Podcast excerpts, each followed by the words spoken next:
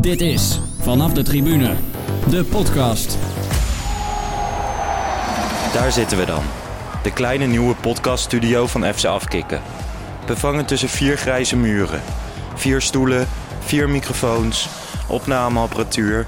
Klaar voor een nieuw gesprek. Ik kan niet anders zeggen. Het is gewoon indrukwekkend.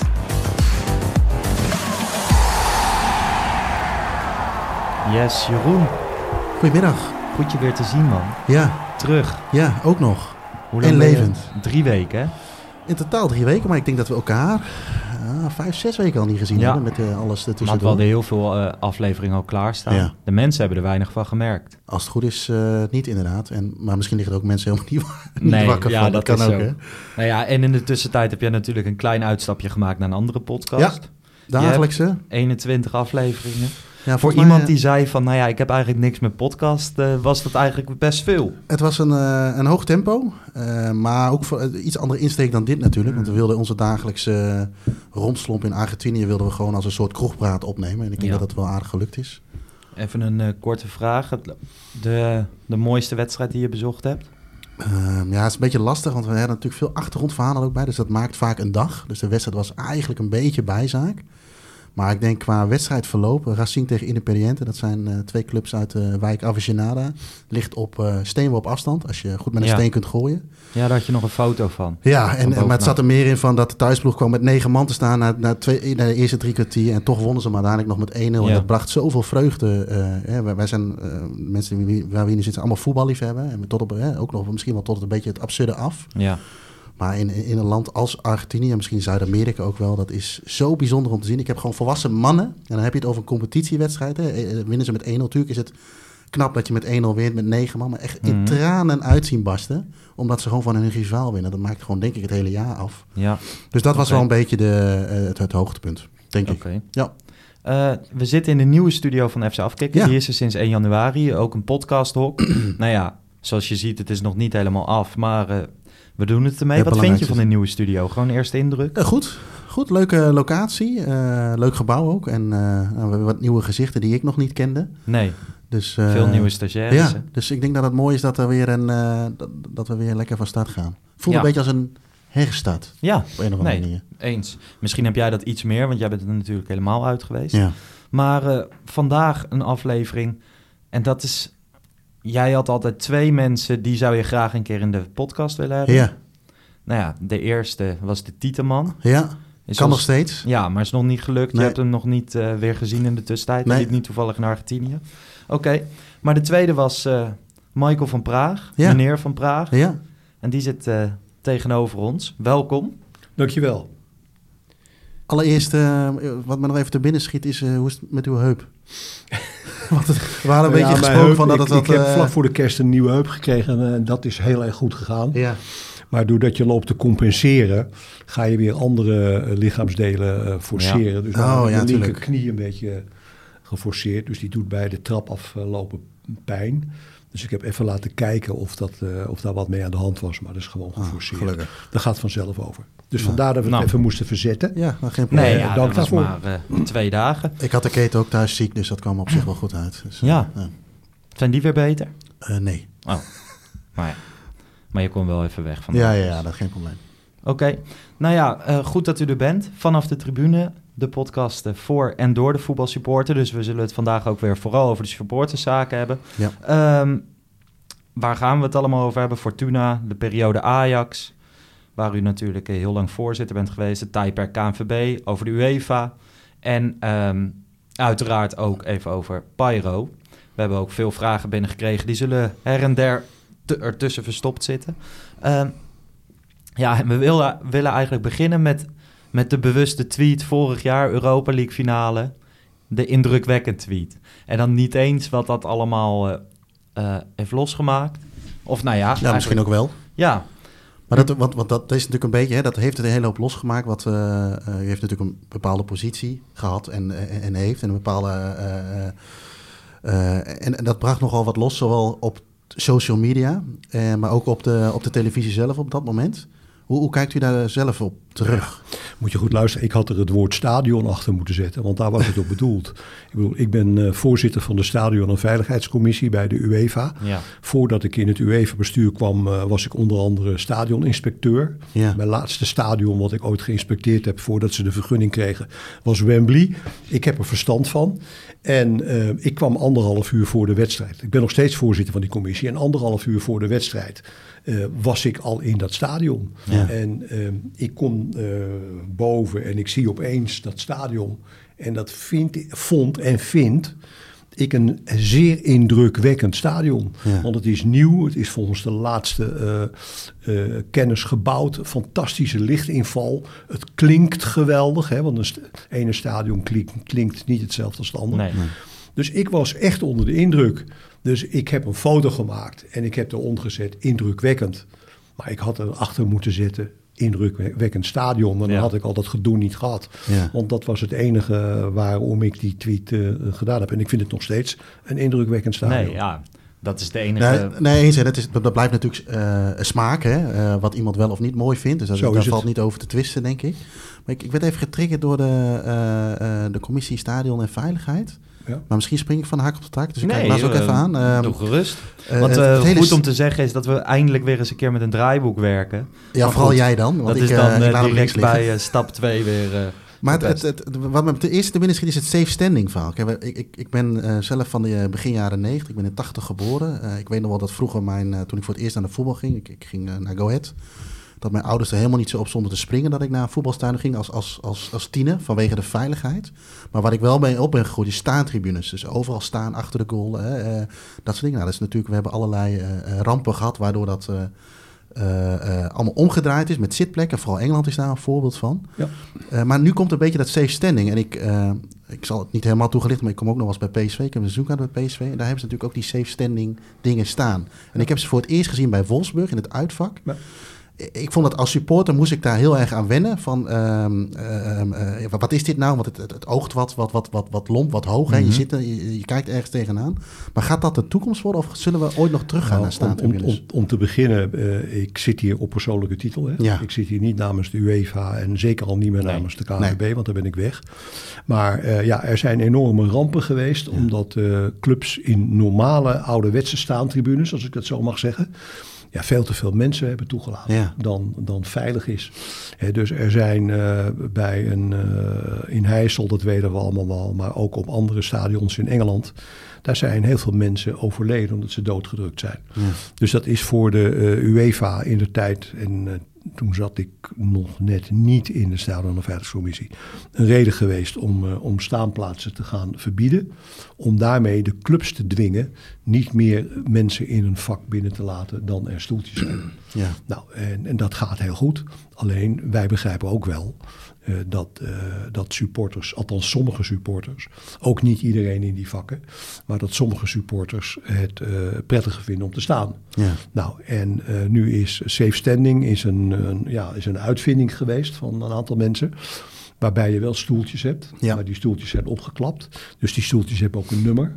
Ja. Dus je kunt, je kunt gewoon kaartjes verkopen met rij en nummer. Ja. Waarbij je er dus zeker van bent de, dat er nooit meer supporters in zo'n vak staan, safe staan, dan, eh, dan er uh, veiligheidshalve in kunnen. En dat heeft ook te maken met eh, de ontruimingstijd van een stadion. Hè? Want Ja. vandaag de dag, als je een vergunning wil hebben, moet een stadion een beetje, neem de Amsterdam Arena, moet geloof ik binnen 11 minuten ontruimd kunnen zijn. Als er brand uitbreekt of een bom losgaat of wat ook.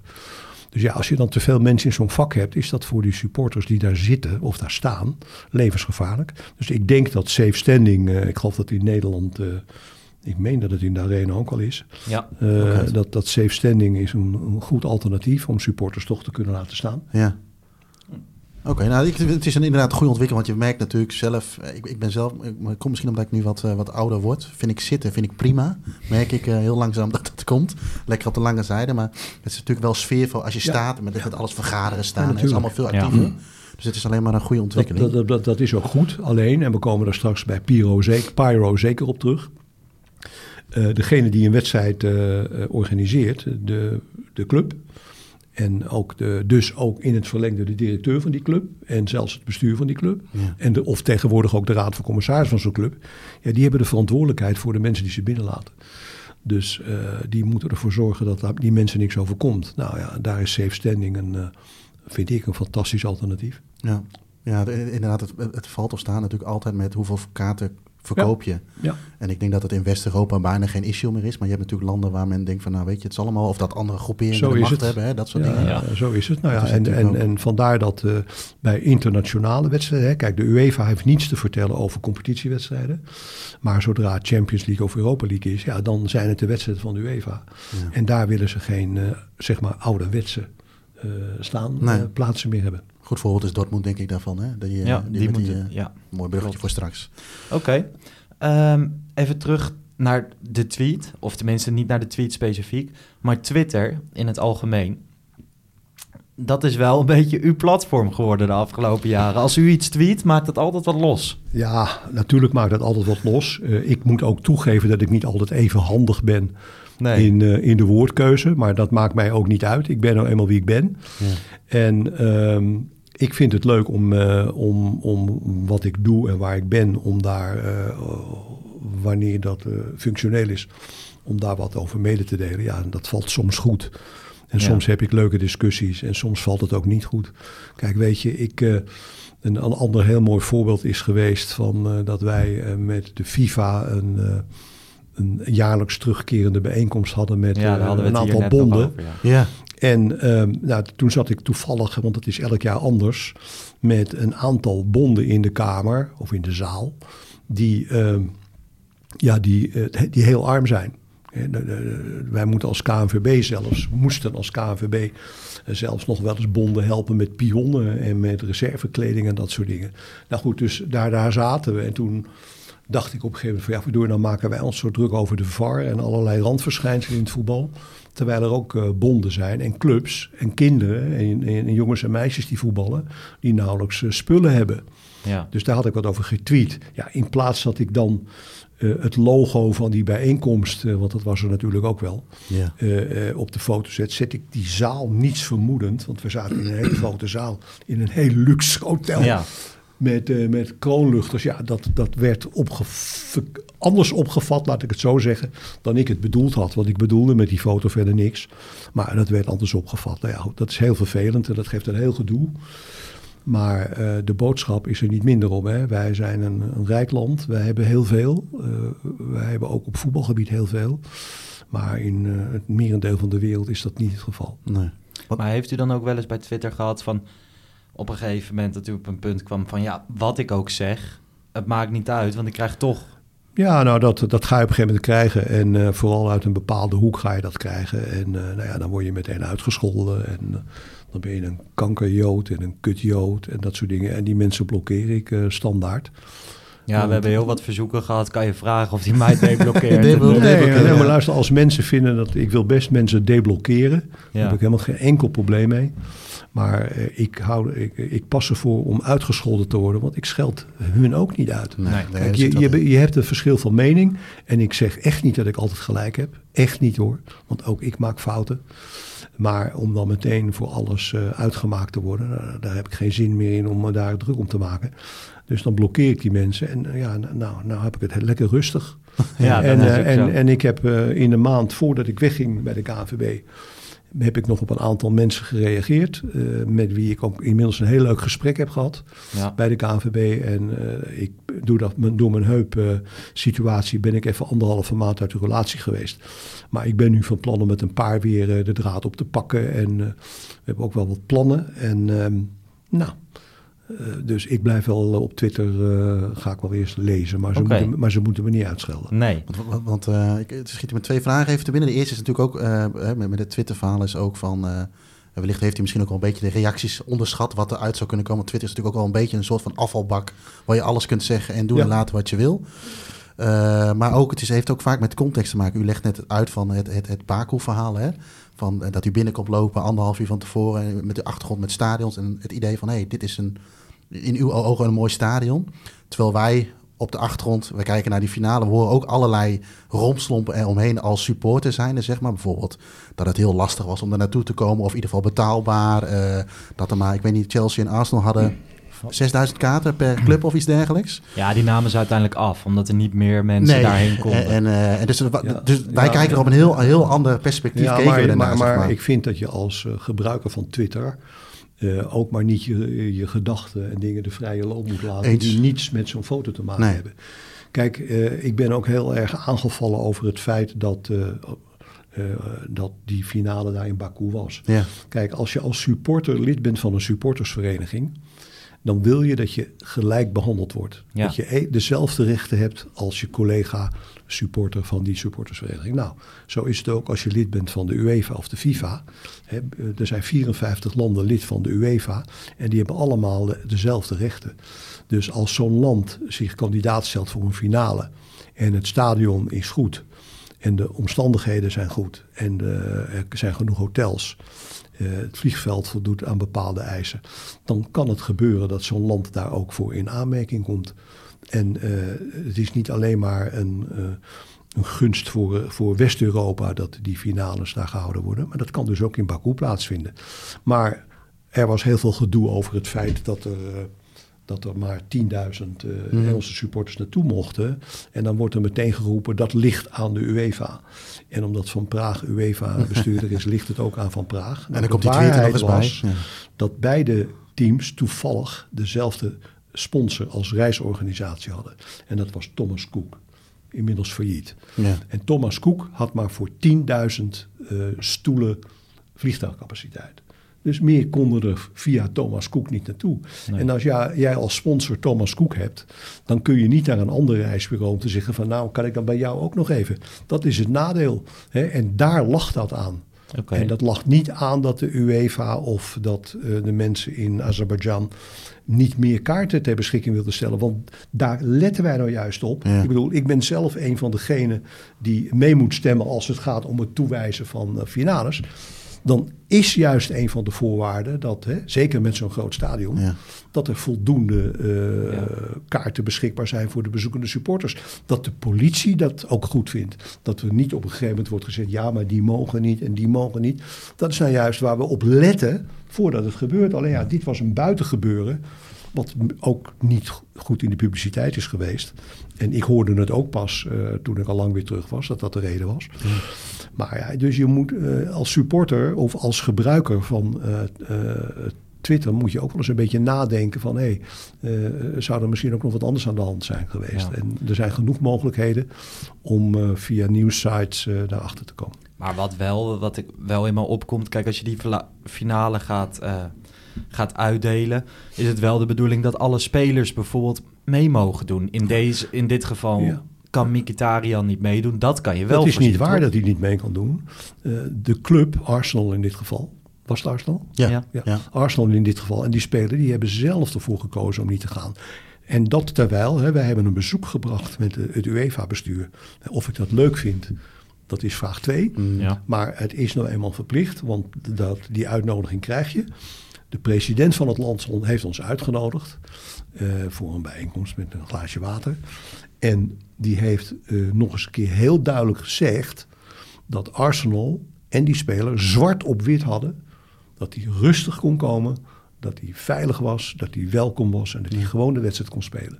Dus ja, als zo'n garantie er ligt van zo'n land, dan kunnen wij daar allemaal wel eh, eh, denken, ja, dat zal wel niet en zo. Nou, als de minister eh, van, van dat land dat zegt, is dat gewoon zo.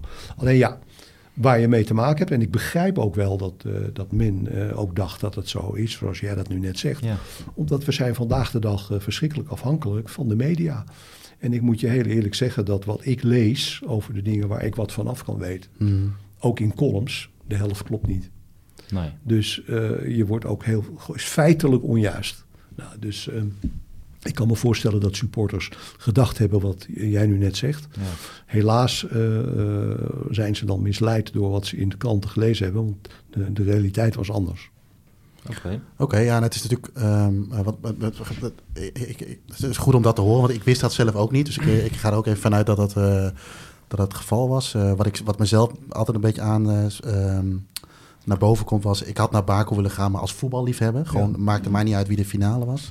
Ik ben het jaar ervoor ben ik naar ehm, eh, eh, Liverpool Madrid in Kiev geweest. En wat mij Kijk, ik, laat ik het voorop zeggen, ik ben een, nou, het is een beetje een schouderklopje, maar ik vind het leuk om de wereld te zien. Ja, dus ik vond het ook leuk om naar Kiev te gaan. hartstikke leuk. Alleen ik kan me voorstellen voor eh, veel mensen die dat wat minder hebben of wat minder Ja. daar ervaring hebben, dat een eh, bij Kiev was het ook al best wel lastig Duur. om, het was duur. Ja. Eh, je werd, de Airbnb's gingen honderd keer over de kop, eh, noem alles maar op. En ik snap allemaal even om met vraag en aanbod te maken.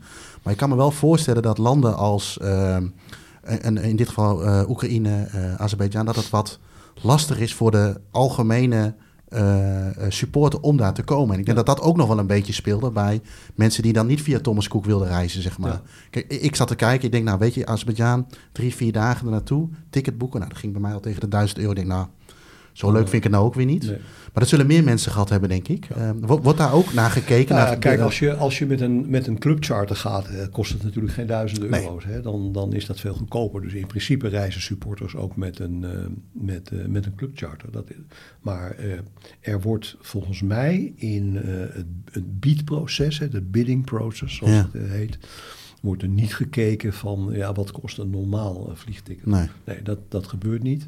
Er, moet, er wordt wel gekeken of er voor de, de hè, want zoveel eh, niet-club supporters van de, de deelnemende finalisten gaan niet. Dus eh, het is veel belangrijker dat die clubsupporter daar goed en goedkoop kan komen. Ja. Ja, en dat kon. Alleen ja, nu bleek dat er Ja.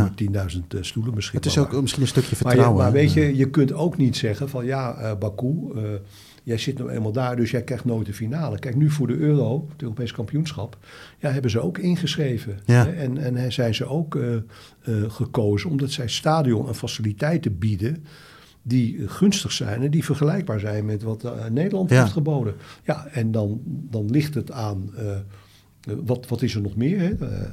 Eh, eh, of het Baku het krijgt of niet. Nou, Baku heeft het weer gekregen. Ja, het is, eh, ik, heb eh, ik, ik had heel veel kritiek op, het, op de manier van het EK, hoe dat gehouden wordt. Omdat je als Nederlands elftal fan, Ja. weet je, je wordt wel een beetje op de kosten gejaagd natuurlijk, als je alles zou willen zien. Eh, maar weet je, ik, aan de andere kant denk ik, ja, weet je, het is zoals het is. Ik kan het toch niet veranderen. En het geeft ook wel weer opties. Dan kijk ik puur even naar mezelf. Ik ga naar Bilbao, ik ga naar Dublin. Eh, die stadions ben ik zelf nooit geweest. Maar wat me wel opviel was, ehm, de kaarten van Baku, die kwamen steeds terug in die, eh, het aanbod van tickets. Omdat mensen er niet naartoe willen. Nee, eh, dat is toch- toch is er iets dat mee, Is dat is natuurlijk vervelend. En het kan straks zijn dat als eenmaal bekend is wie daar spelen... Ja, Nederland zou kunnen volgens dat, mij. eh, hè? ja, dat, Ja. Dat, dat, dat er dan toch weer kaarten gekocht worden. Maar ja, kijk, je moet het zo zien. eh, het Europees kampioenschap zoals het nu gespeeld wordt, dat is eenmalig. Ja, ja. Omdat UEFA 60 jaar bestaat. Dat was een emotioneel en spontaan idee van Michel Platini in de tijd. Want wa- zo, zodat ik u onderbreek, maar waren er wel landen die het ah, in, in 2020 hadden willen organiseren? nee, nee, nee, want het was gewoon het idee van als we nou 60 jaar bestaan, Ja, oké. laten we het dan één keer eh, doen. En laten we dan landen die zelf niet in staat zijn om een heel eh, Europees kampioenschap te organiseren.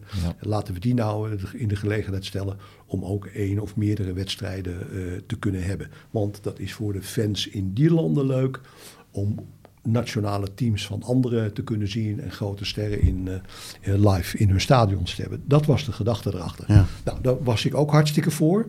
Hè. Alleen wat blijkt nu in de praktijk.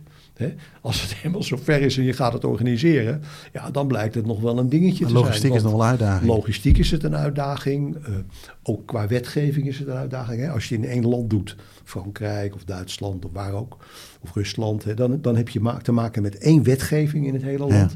Ja, en nu heb je met 13 verschillende eh, wetgevingen te maken. Verschillende valuta, eh, hotels, dingen. Dus ja, als je nu kijkt, dan, dan, dan zijn er ook wel bij de UEFA die mis- zich misschien achter de oren krabben van...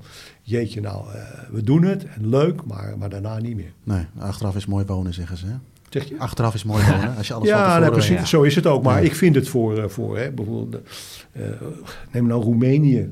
Nou ja, voor Roemenië is het natuurlijk fantastisch dat daar dat ook plaatsvindt. En, eh, en, en voor Nederland is het ook fantastisch Ja. dat het plaatsvindt. Ja. Want wij kunnen ook in ons eentje geen eh, Europees kampioenschap eh, organiseren. Oké. Nou ja, we- ik denk dat we het eh, Als ik te kopje- lang praat, moet je me gewoon... Nee, Nee, helemaal nee, nee, niet. nee, helemaal niet. Helemaal En, niet. Wij hebben altijd de tijd.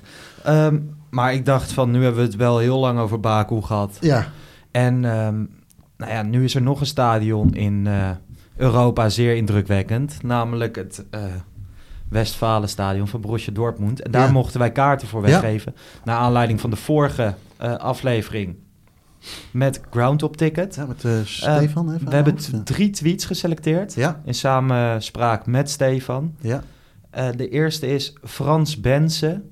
En die zegt, ik wil ook eens wat leuks doen. En hij heeft er een foto bij gezet dat ze kinderen aan het spelen zijn in de ballenbak. En hij zit er heel zaggerijnig voor te wachten tot zijn kinderen Uitgespeeld. klaar zijn. Ja. Oh, Ja, en we hadden gevraagd van stuur het meest zielige verhaal op. Ja, Ehm, want wat, wat, wat oh ja, de insteek was wel- een beetje, als je kaarten kunt winnen, gaan mensen altijd, ja, mijn kat is dood, mijn vis is verzopen, dat soort Ja. dingen. Ik, ik heb kaarten nodig. Dus hadden, wel heel erg. Ja. ja, ik, ik viel mij eh, direct op dat ik denk Ja. van, ja, ik herken het ook wel met twee eh, jonge dochters, dat je soms in zo'n uh, ballorig-achtig iets bent, dan denk je, mijn god, hoe kom ik hier levend uit? ja, Dus eh, dat vond ik een mooie inderdaad. En Nee. dat is één inderdaad, Frans Bensen, je had hem genoemd hè. ja, Frans Bensen. Eh, de tweede gaat, eh, is van eh, Remco Vonken. Ja, dit zijn de genomineerden. ja, ja, ja, sorry. Ja. Nee, dan inderdaad, laten we het, anders krijgen we misschien straks een bureau achter ons eh, Ja, eh, kont aan. Eh, Remco Vonken via volgens mij Instagram, als ik het goed zie. Hey mannen, mijn zielige verhaaltje paste net niet in de tweet, dus ik stuur hem maar even via Instagram. In november had ik de kans om IPB een weekend mee te vliegen met een piloot naar Buenos Aires om daar naar Boca te gaan kijken. Via een vriendin die daar studeerde voor een schappelijke prijs een lokaal, bij een lokaal iemand kaarten gekocht, keurig ruim voor de wedstrijd afgesproken en de kaarten overhandigd gekregen. Eh, uiteraard nog gezellig een biertje gedaan met de goede man aan het eh, doen als er opeens van alle kanten politie aankomt. Nou, uiteindelijk is het dus zo dat die, eh, dat die man na 4,5 jaar toeristen meenemen in Boca, want het, zo gaat het daar, je kunt er Ja, eigenlijk niet los aan kaarten komen. Is hij opgepakt en hij kon dus niet naar Boca Juniors toe en moest dus gewoon terugvliegen zonder een ervaring. in de kroeg. Eh, in de kroeg, dus eh, hij geeft wel mooi aan. Goed, je kunt niet altijd een 6 gooien, maar het is natuurlijk wel Ja, je betaalt, nou, we hadden het over vliegtickets. En je betaalt, ik, ik weet dat die kaartjes daar ongeveer rond de 100 euro minimaal Ja. van de hand gaan. Dus dan eh, heb je wel een leuke kostenpost. Dus die hebben we ook, ook genomineerd. ja, zeker. Wil jij nummer 3 doen? Zal ik nummer 3 doen? Mij maakt het niet uit wat jij wil. Thomas. Ik Ja. zie zijn achternaam even niet staan. Nee, maar, laagstreepje Ro. Ro en dan nog iets. Die zou eigenlijk vorige keer naar Dortmund-Tottenham gaan in 2017. Eh, met zijn vader zou hij een dagje er, er naartoe gaan. Eh, een deuntje vlak voor de wedstrijd genomen. En die viel helemaal verkeerd. Eh, die heeft daardoor de gehele tweede helft... Ja, ik lachte wel om, want ik herken het wel een beetje... dat eten slecht kan vallen. Eh, heeft hij de hele tweede helft spuugend op het toilet doorgebracht. En eh, vanaf het toilet hoorde hij de 1-1 van Spurs en de 1-2. En eh, na de wedstrijd moest het, was het zelfs zo erg dat hij nog een emmer eh, in de auto moest hebben voor het overgeven. Dus eh, ik denk dat die drie wel eh, op zich wel mooie verhalen Ja. zijn om daar iets mee eh, te Nou kunnen ja, doen. b- bovenal, we hebben heel veel reacties gekregen. Ja, waarvoor dank. Leuk, we hebben ook om sommige gelachen. Maar Ja. deze drie eh, zijn uiteindelijk maar toch een keer een het keuze maken. Jij hebt, jij hebt kinderen, ik denk eh, u ook, Ik Michael. heb een dochter van 20. Maar die is ook klein geweest. Is dat vervelend in een ballenbak? Als je dan Nou, daar ik- buiten ik- zit te nou, wachten. Ja, Ik ik zou vraag je het vertellen, aan wij, jullie. wij, wij zijn bevoorrecht dat we elk jaar gaan skiën in Oostenrijk. Ja. En op de luchthaven van Innsbruck heb je een ballenbak. En we moesten altijd, eh, met Transavia moet je altijd twee uur van tevoren aanwezig zijn. Dus zij ging altijd standaard boven in de ballenbak. Ik vond het prachtig. Ik heb het gefilmd, ik heb het gemonteerd. Eh, hartstikke leuk hoor. Ja. En wat zijn jouw ervaringen met de kids en de ballenbak? Nou, weet je, het is, eh, ik moet altijd even denken aan het hygiënische aspect. Of die dingen Oh, überhaupt wel schoongemaakt worden.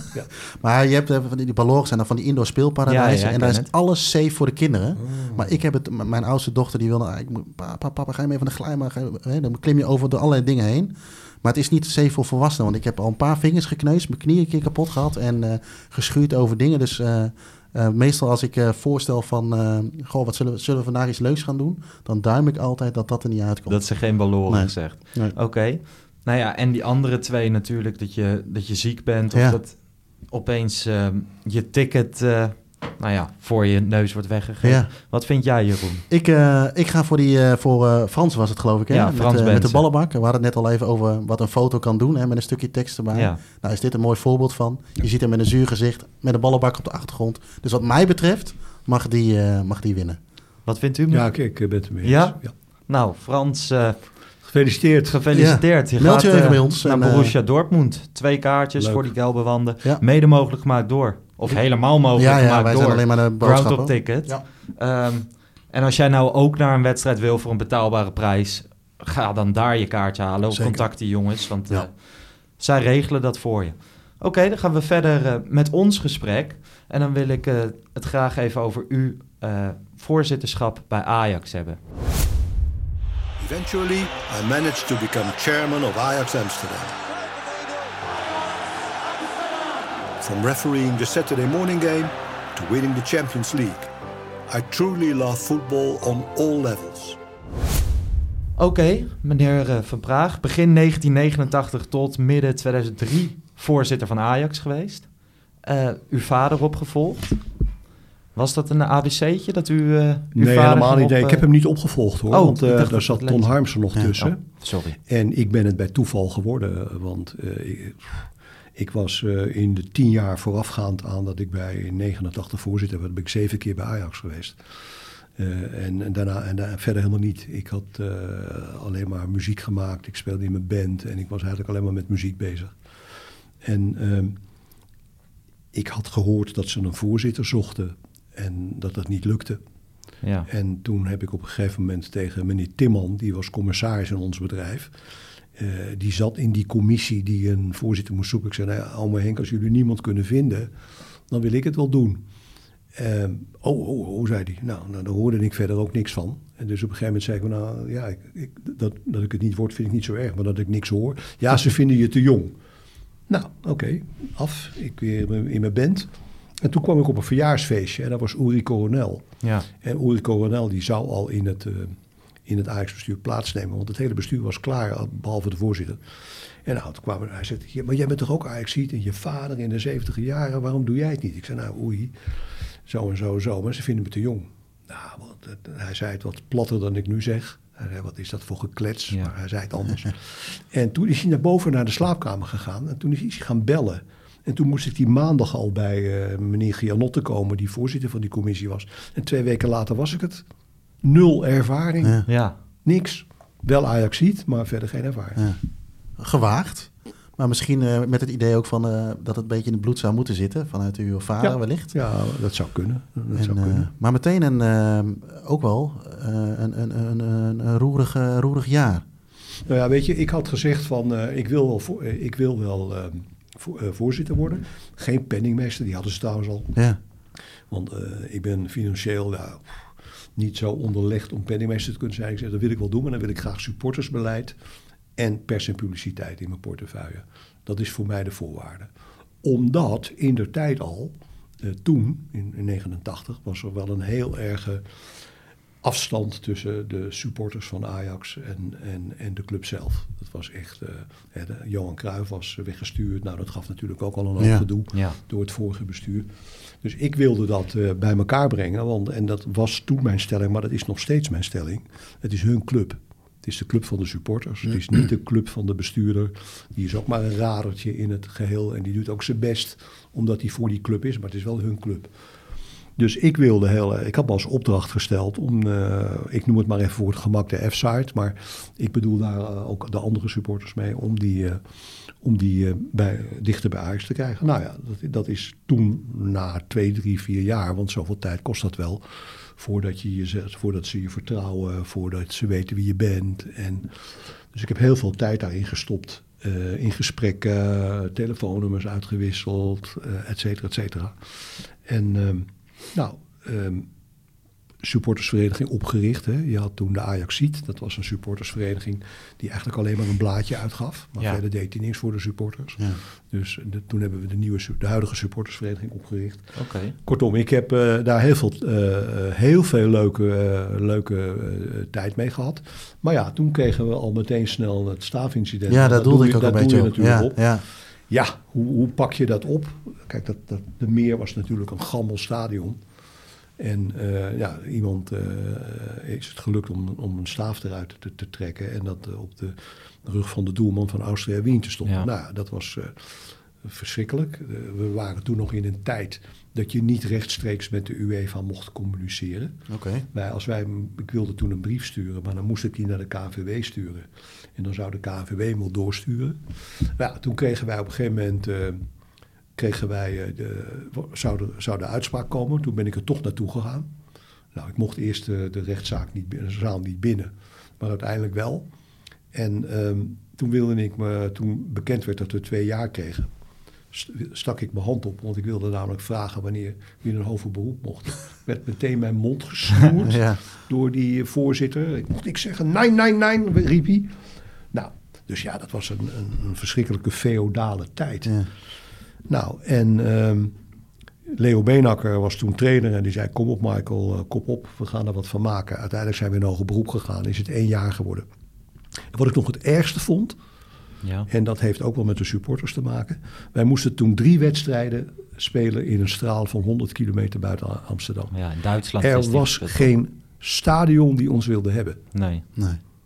Ze waren allemaal bang voor onze supporters. Ja. Voor rellen en zo. Nou, uiteindelijk was, eh, waren we in Düsseldorf.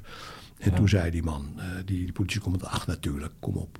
Eh, ik ga jullie helpen en eh, kom erop. Nou, en dat is gebeurd. En ehm, eh, we hebben daar prima wedstrijden gespeeld. Niks gebeurd. Mensen konden er met de auto, met de trein naartoe. Ja, en dat was natuurlijk voor mij toen wel het zijn om te proberen de, de, de relatie met onze supporters op een hoger en beter niveau te krijgen. Nou ja, en dat, dat is uiteindelijk met heel veel vallen en opstaan. En met het- overwinnen van heel veel wantrouwen. Ja. Hè, want er is standaard, en soms ook terecht, eh, eh, vanuit de supporter eh, ook wantrouwen naar clubbestuurders. Ja. Maar het is uiteindelijk met vallende opstaan wel redelijk gelukt. Want toen ik eenmaal vijf, zes jaar verder was, had ik bij mij op kantoor in Hoofddorp elke maand zes verschillende vertegenwoordigers tussen aanhalingstekens van supportersgroeperingen bij mij op kantoor. Eh, om over Ajax te praten, naar hun wensen te luisteren. Soms kan je dingen inwilligen, soms kan je dingen niet inwilligen. Uitleggen. Ik ging ook wel naar coffeeshops. eh ik ben naar gevangenissen geweest. We hebben allerlei eh, dingen met de supportersvereniging gedaan. Want van een supportersvereniging wil ook niet elke supporter lid worden. Hè? Nee. Dus je moet niet alleen voor de supportersvereniging wat doen. Maar je moet ook wat doen voor de mensen die zich daarbij niet willen aansluiten. Nou, dat is niet allemaal fantastisch gelukt. Maar de verhoudingen zijn wel goed geworden. Ja. Redelijk goed. Is het een soort kantelpunt geweest dan, Austria Wien misschien? In contacten Nou, met... Austria eh, Wien heeft in elk geval wel geholpen. Omdat de supporters natuurlijk ook zagen van... ja jongens, hé, dit moeten we niet hebben. Ja. Op deze manier eh, eh, gaat Ajax ten gronde. En ja, dat, dat heeft wel geholpen. Ja. Maar om een voorbeeldje te geven... eh, er werd in die tijd heel erg veel gevochten. En ehm, ook gevochten met de eh, supporters van de tegenpartij... als Ajax een keer verloren had... En toen hebben wij eh, samen met het supportersproject van de gemeente wat we hadden, toen hebben wij ehm, in de Sporthallen Zuid, die waren er toen nog, waar het nu het Okura Hotel staat Ja. in Amsterdam, daar hebben wij zaalvoetbalwedstrijden georganiseerd tussen onze supporters onderling. En wat je in het begin zag, is dat ze elkaar letterlijk met messen achterna liepen. Ja. Ja. En eh, na een jaar konden ze al wel weer wat meer tegen hun verlies. Hè. En dus op die manier hebben we geprobeerd ook eh, een Ajaxiet te leren dat hij ook kan verliezen. Ja. Maar ik vond het een fascinerende tijd en ik heb, eh, ik heb uit die tijd eh, al nog heel veel contacten overgehouden. En helaas zijn er ook een aantal inmiddels overleden. Ja. Maar ehm, ik had het voor geen goud willen missen, want eh, de supporterswereld trekt mij op een of andere manier enorm aan. Het is, Nou ja, eh, wat dat betreft zit u in de goede podcast. Nou ja, wat ik ook mooi... Ik, ik, ik, eh, we hebben natuurlijk wel een beetje voorbereid ook op dit gesprek. En ik, ik, ik was negen met het staafincident. Dus ik, ik was vrij jong, maar ik kan het me nog wel... eh, nou, niet heugen als de dag van gisteren, maar het maakte wel impact. Eh, ook met, maar ook als je later die verhalen leest over een eventuele eh, rol van Freek de Jonge... en de tijd met die voorzitter van de bond... eh, vreselijk stom van die Freek. de Ja, Jonge. misschien moeten de mensen maar eens even... Ik denk niet dat het nu de tijdstip is om dat helemaal uit te breiden... maar maar eens even terugzoeken. Want er zijn genoeg artik- artikelen, is het hè? Artikels, artikelen over te vinden. Maar wat mij daar ook in eh, eh, bijgebleven is... Van, eh, die, die jongen die heeft zijn straf gehad. Vijf maanden tucht eh, Ja. Maar daarna heeft hij een seizoenkaart aangevraagd bij Ajax weer. En u heeft dat gewoon gezegd. Nou, weet je, straf uitgezeten. Ja. Schone lijn, nieuwe kansen. Dat, is, Ja. dat is in Nederland ook best wel hè, eh, normaal. Ja. Maar ik denk dat er ook best wel vaak wordt gezegd... Ja, weet je... Zulke soort gasten hoeven we gewoon levenslang, die hoeven we niet meer te zien. En dat, dat, dat is iets wat mij opviel. Dat ik vond ik best, of nobel, dat klinkt misschien heel Ja, raar. ik, maar- heb, ik heb ook een rol vervuld eh, bij Feyenoord. Ik kreeg op een gegeven moment... We hebben het, eh, het, het, eh, het incident met Picorni gehad. Ja, Ja, in Beverwijk, vechtpartijen, Picorni overleden. En eh, nou, toen riep mijn bestuur ook van... ik wil niks meer met die jongens te maken hebben. Ja, maar dan isoleer je mensen en niet in discussie gaan. eh, sorry, niet in... eh, eh, discussie is verkeerd woord. Gesprek? Maar, hè? niet in gesprek Niet in gaan, gesprek ja. gaan, Ja. ja. dat is het, verkeer, het meest verkeerde wat je kan doen. En ik werd op een gegeven moment opgebeld uit Rotterdam, moet je nagaan. De voorzitter van de vijand werd gebeld. Of ik niet een keer naar de Kuip wilde komen om met een aantal Rotterdamse Beverwijkgangers eh, te Oké. praten. En eh, met de supportersvereniging, want de toenmalige voorzitter van Feyenoord wilde niets meer met ze te maken hebben. En die wilde helemaal niet meer met ze praten. Dus ja, die jongens werden verbannen. Ja, die vonden het zelf natuurlijk ook wel vreselijk wat er gebeurd was. Dus ik ben gegaan op een donderdagmiddag. Ik, dat zal ik ook nooit meer vergeten. Op een kantoortje in de Kuip heb ik met die mensen gesproken. En ja, die zaten net zo uh, in zak en as als uh, de Ajaxiden. Want dit was een volledig uit de hand gelopen ding. Ja. Niemand is van tevoren daar naartoe gegaan Nee. om een andere uh, om te brengen. Nou ja, dus toen heb ik kunnen bemiddelen. En uiteindelijk zijn die gesprekken wel, hebben wel plaatsgevonden. En hebben die mensen ook weer een plekje gevonden in de Feyenoord-gemeenschap.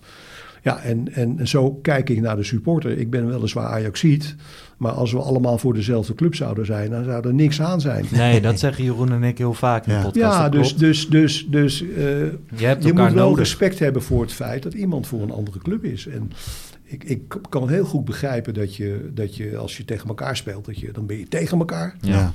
Maar daarna moet dat, uh, moet het wel een beetje over zijn. En wat ik het mooie vind van Jorien van der Herik, die zei altijd... Michael, wij zijn het vaak oneens. Jorien van der Herik was toen Feyenoord Ja. uh, Ja. voorzitter. We zullen het vaak oneens zijn. Maar één ding moeten we afspreken. We moeten zelf niet rollenbollend over straat gaan. Want dan kan je van de supporter ook niet verlangen... Geef een dat slechte die, voorbeeld, inderdaad. zich, uh, Maar het is op zich wel, u begint zelf over Ajax en Feyenoord. Nu is het ook wel weer redelijk actueel, want er dreigt een bekerfinale tussen beide ploegen. Abu Taleb heeft afgelopen Ja. week eh, bij Radio Rijnmond volgens mij gezegd, of TV Rijnmond, ik weet het niet. Heeft hij gezegd dat ook supporters van Ajax welkom zouden zijn? Nou ja, dat zou betekenen dat je in één keer een hele grote groep krijgt, in plaats van eh, bij een competitiewedstrijd een wat kleiner groepje. Maar bent u daar dan ook voorstander van? Maar we zijn ja, nu ik, jaren daar zal ik je wat vertellen. Ik begrijp supporters soms niet. Ik heb vorig jaar, ik denk vlak voordat ik wegga bij de KNVB, moet ik toch nog eens proberen om Ajax en Feyenoord supporters onderling weer toegang te kunnen laten krijgen bij de wedstrijden. Dus ik heb contact opgenomen met uh, burgemeester Abu Taleb. Nou, die ken ik heel goed, want ik ben voorzitter van de Nederlandse Sportraad en hij zit er ook in. Ik heb contact opgenomen met mevrouw Halsema. En gezegd, kunnen wij, en, en Erik Gudde, de, de directeur Ja. ja. betaald voetbal, die zou mij helpen. We zouden het met z'n tweeën doen. Kunnen wij nou niet eens even met z'n vieren als volwassen mensen om de tafel zitten? Ja. Om te kijken of we dit kunnen oplossen. Hm. Daar waren die burgemeesters allebei toe bereid. Wat gebeurt er bij Jong Ajax, Jong Feyenoord?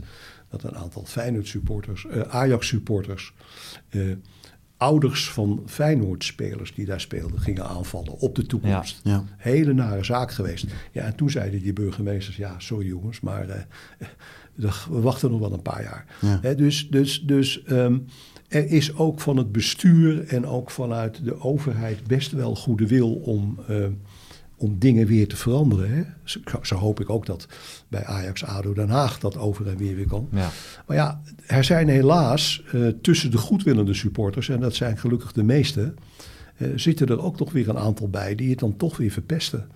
Ja, en dat is heel erg frustrerend, maar dat is ook frustrerend voor die burgemeesters.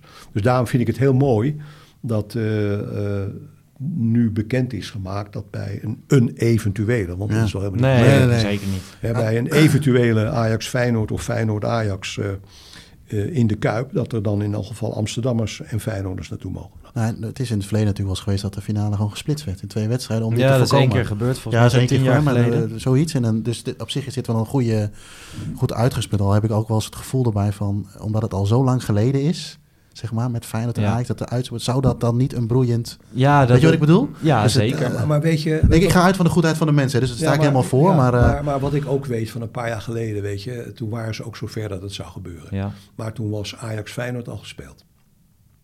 Of Feyenoord Ajax, daar moet ik even vanaf zijn. ja, en dan willen ze pas in het seizoen En daarop. toen zei, en dan was het halverwege het seizoen zou het mogen. En toen zei de ene supportersgroepering, ja, maar dan mogen we, zij wel komen en wij mochten Hmm. nog niet eh, bij die eerste wedstrijd zijn. Dus we willen het nog niet. Ja, weet je, en dan, dan, moet ergens beginnen. Hè? dan zegt zo'n burgemeester, jongens, houd toch eens een keer op. Ja. Ja. Maak het me niet zo ingewikkeld. Nou ja, hopelijk. eh, ik hoop op die finale. En ik hoop ook dat beide supportersgroepen aanwezig mogen zijn. Ik, Ja. ben, ik ben wel benieuwd eh, hoe, het dan, hoe het dan loopt. Want het kan ook zomaar zijn dat wat jij zegt. Gewoon NAC eh, Utrecht, of, ja, NAC Utrecht kan NAC, NAC Ja. Utrecht, Ja. kan het ook worden. Ehm, dan nog één dingetje wat betreft Ajax. U heeft zich best vaak uitgesproken over het gebruik van, van de geuzennaam Joden. En ook ten opzichte van, eh, van de tegenstander die dan juist weer antisemitische dingen eh, schreeuwt. Denkt u dat het nog ooit nog gaat veranderen? Nee, ik denk niet dat het gaat veranderen. Eh, het is allemaal een. Toen wij aankwamen in 89 was het een beetje, Ja. nog niet zo erg.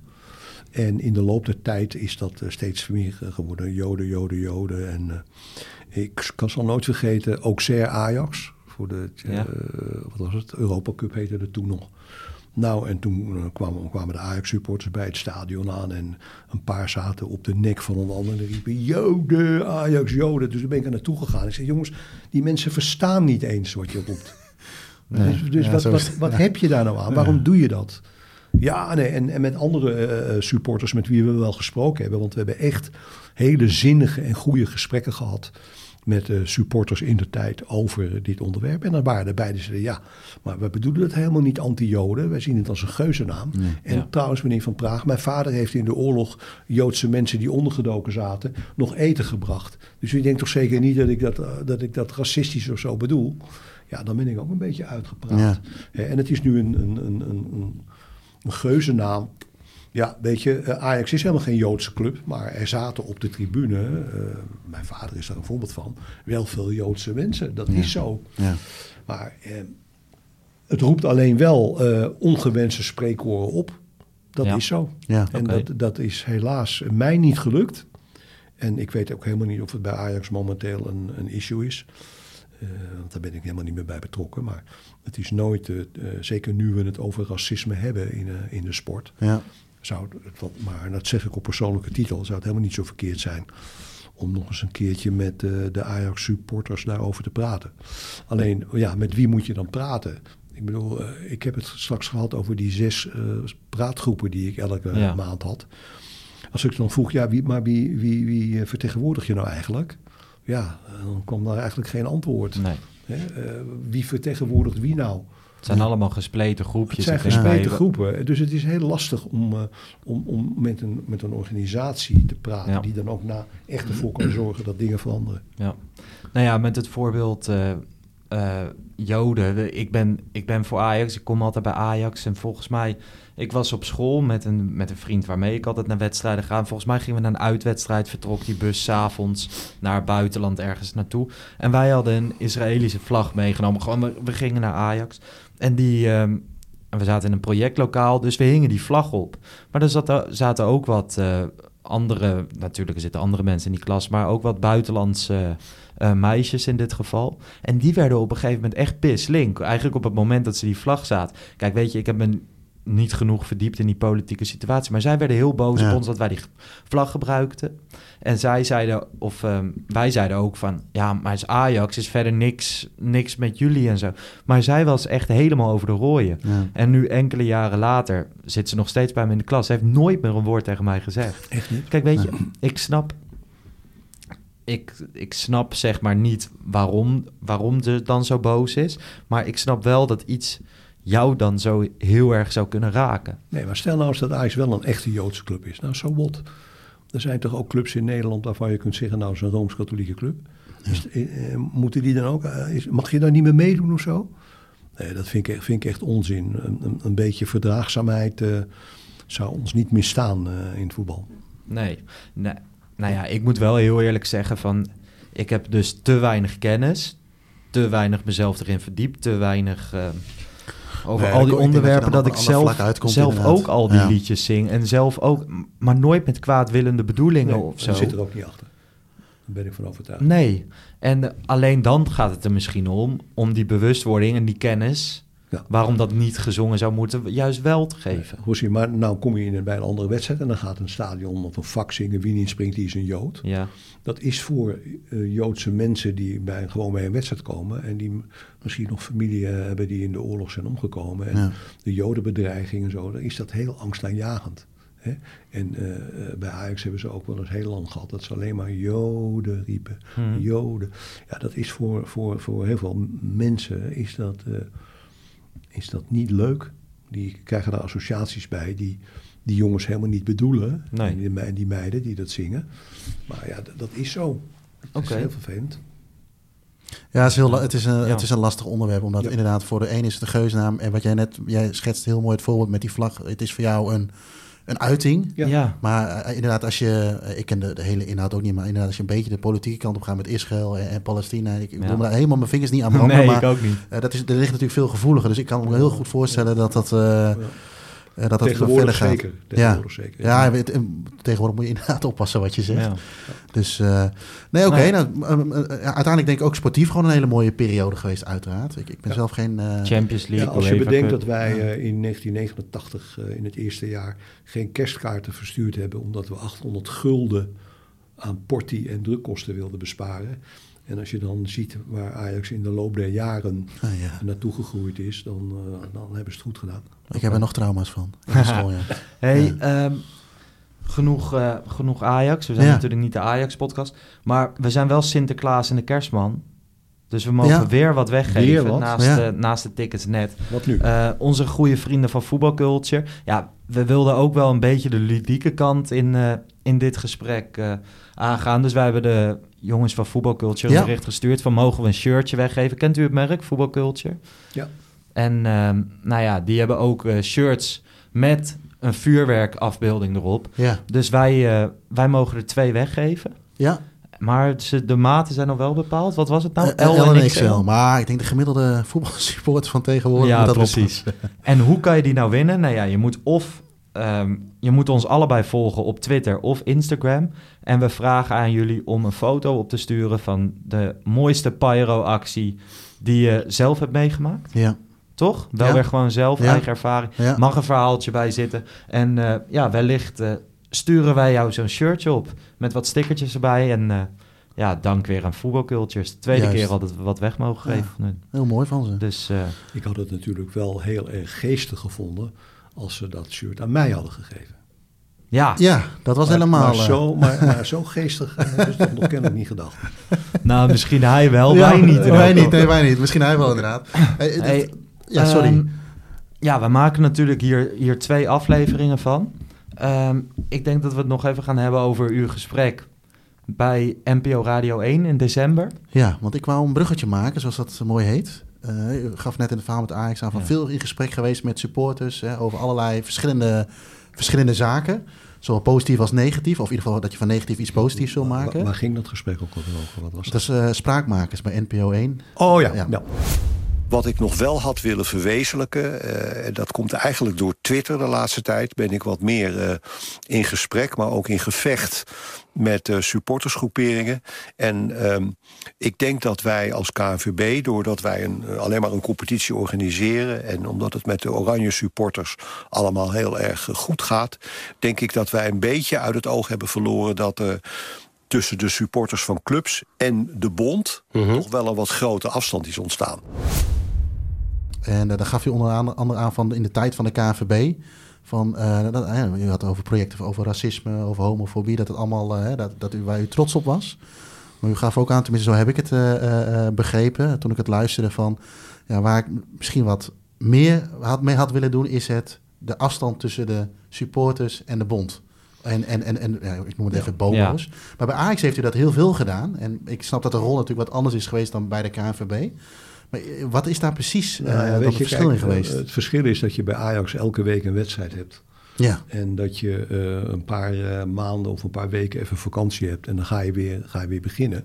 Dus de binding ehm, van een, een gemiddelde supporter met een club is absoluut groter dan de binding met Oranje.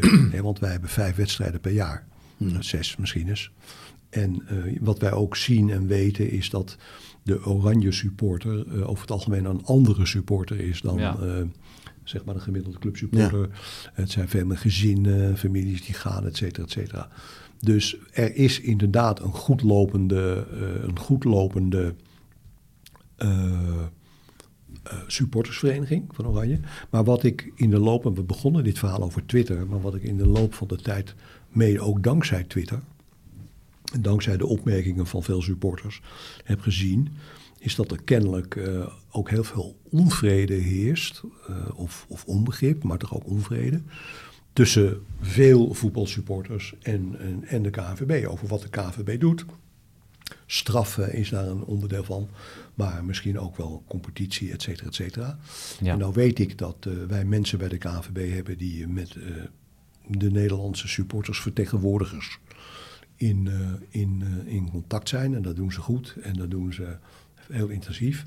Maar als ik terugkijk, dan denk ik dat ik het er goed aan zou hebben gedaan om hetzelfde te doen wat ik ook bij Ajax deed. Namelijk met veel meer met individuele supporters eh, communiceren. En dan niet via Twitter, Nee, maar gewoon in een gesprek. Ja. En daar ben ik te laat mee begonnen.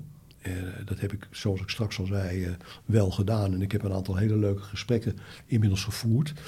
En ehm, ik ga geen namen noemen, maar met een van hen ben ik in elk geval wel van plan eh, om nu eens te gaan kijken waar, waar liggen nou die eh, problemen. Ja. Ik ben nu vrij man. Ja, Ik Ja. kan eh, op persoonlijke titel op handelen. persoonlijke Ja. titel kan ik handelen. Ja.